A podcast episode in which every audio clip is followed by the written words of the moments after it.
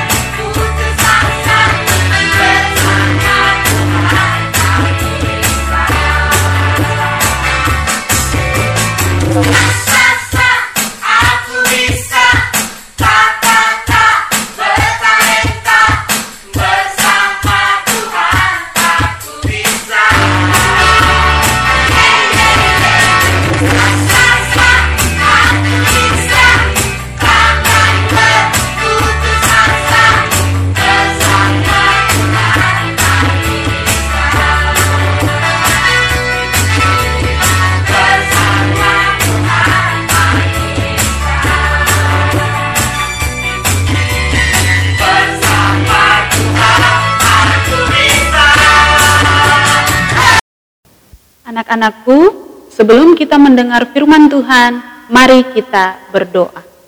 Tuhan Yesus, terima kasih untuk semua kebaikan-Mu dalam kehidupan kami. Di saat ini kami mau baca Alkitab. Kami mohon Engkau memberkati kami, berikan hikmat dan roh kudus-Mu bagi kami. Amin.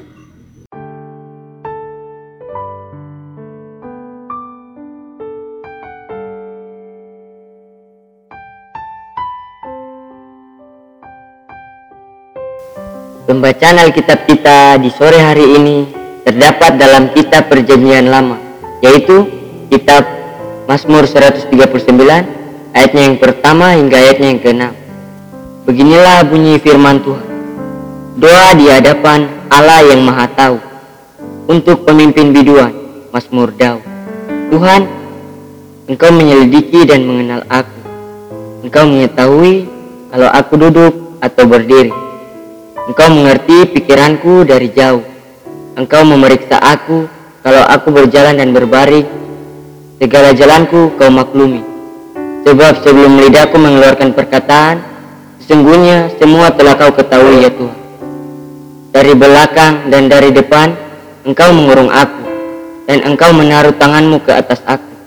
Terlalu ajaib bagiku pengetahuan itu. Terlalu tinggi, tidak sanggup aku mencapainya. Demikian pembacaan Alkitab di sore hari ini. Tuhan Yesus memberkati. Amin.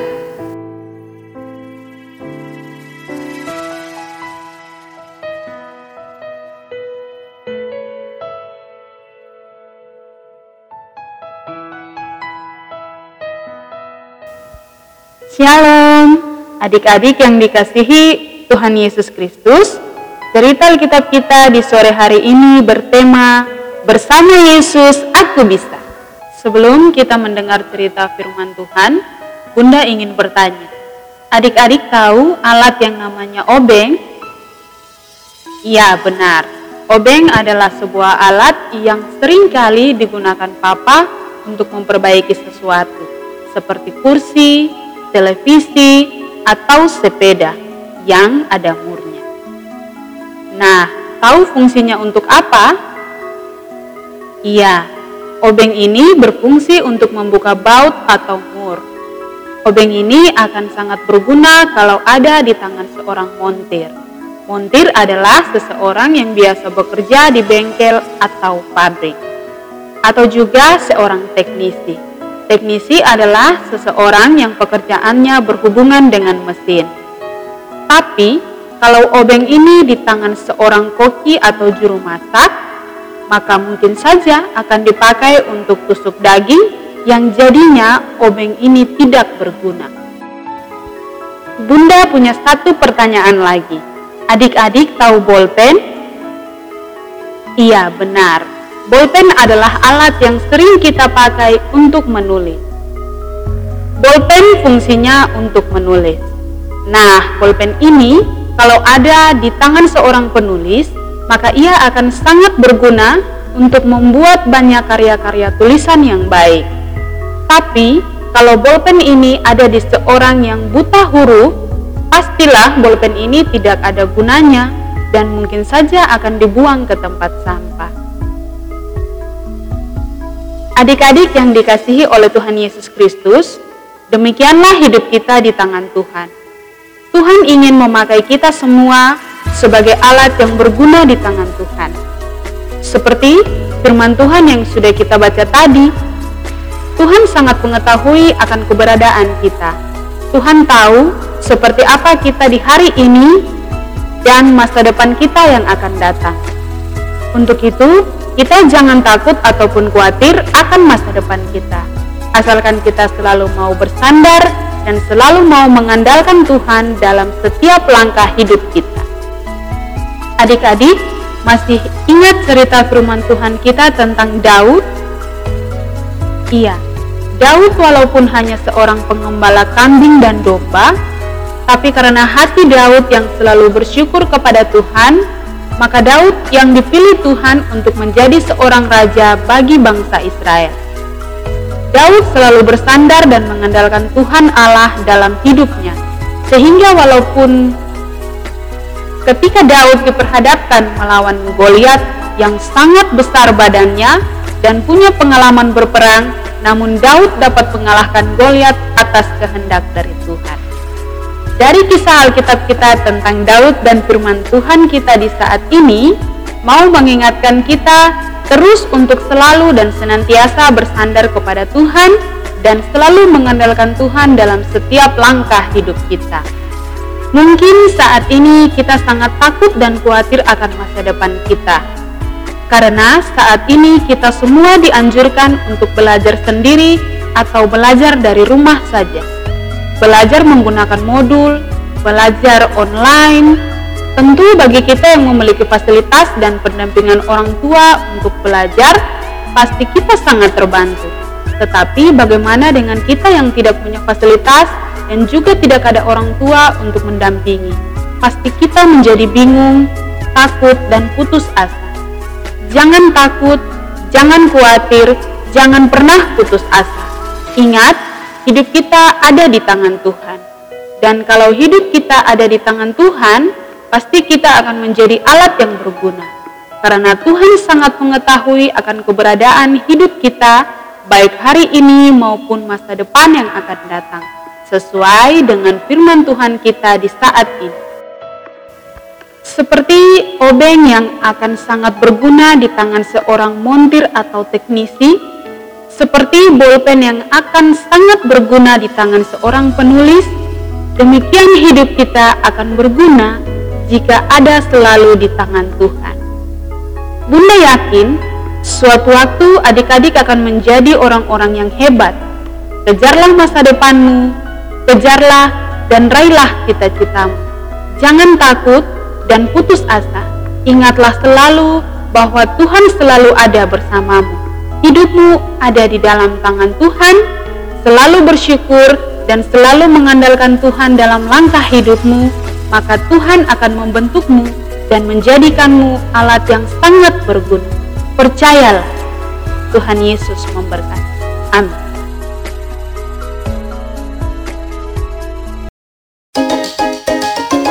Aktivitas kita di sore hari ini adalah menggambar cita-cita.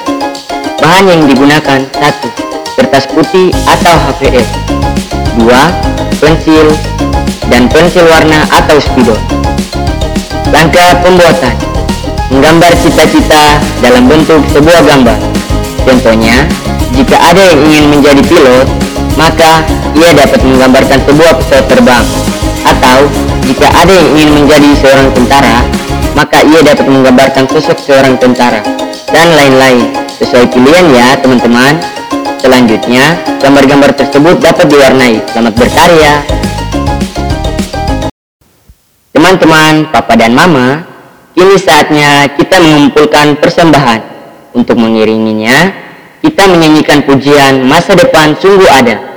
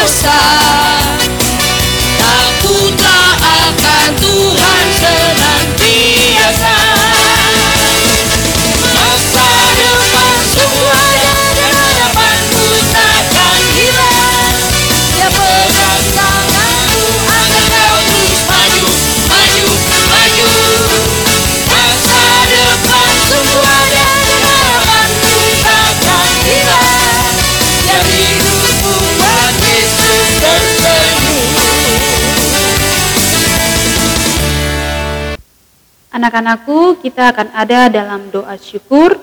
Untuk itu, Bunda minta kita semua angkat tangan, diturunkan pelan-pelan, dilipat, matanya ditutup, dan kita berdoa.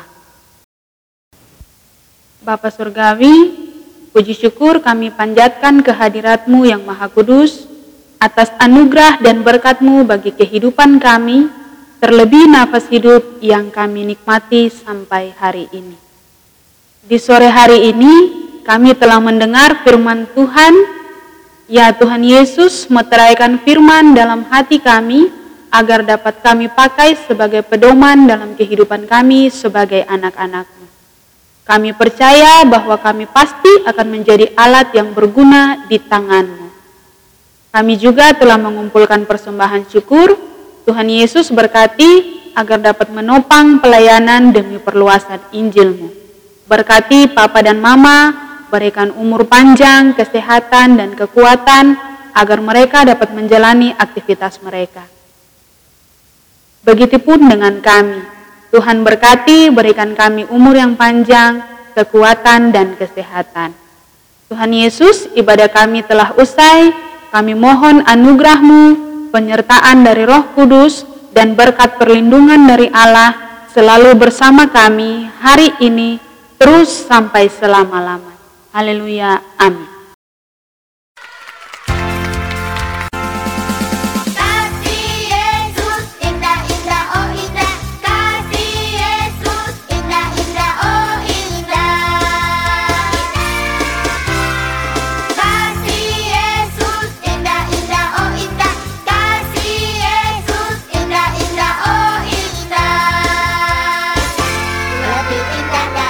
Ibadah kita telah selesai.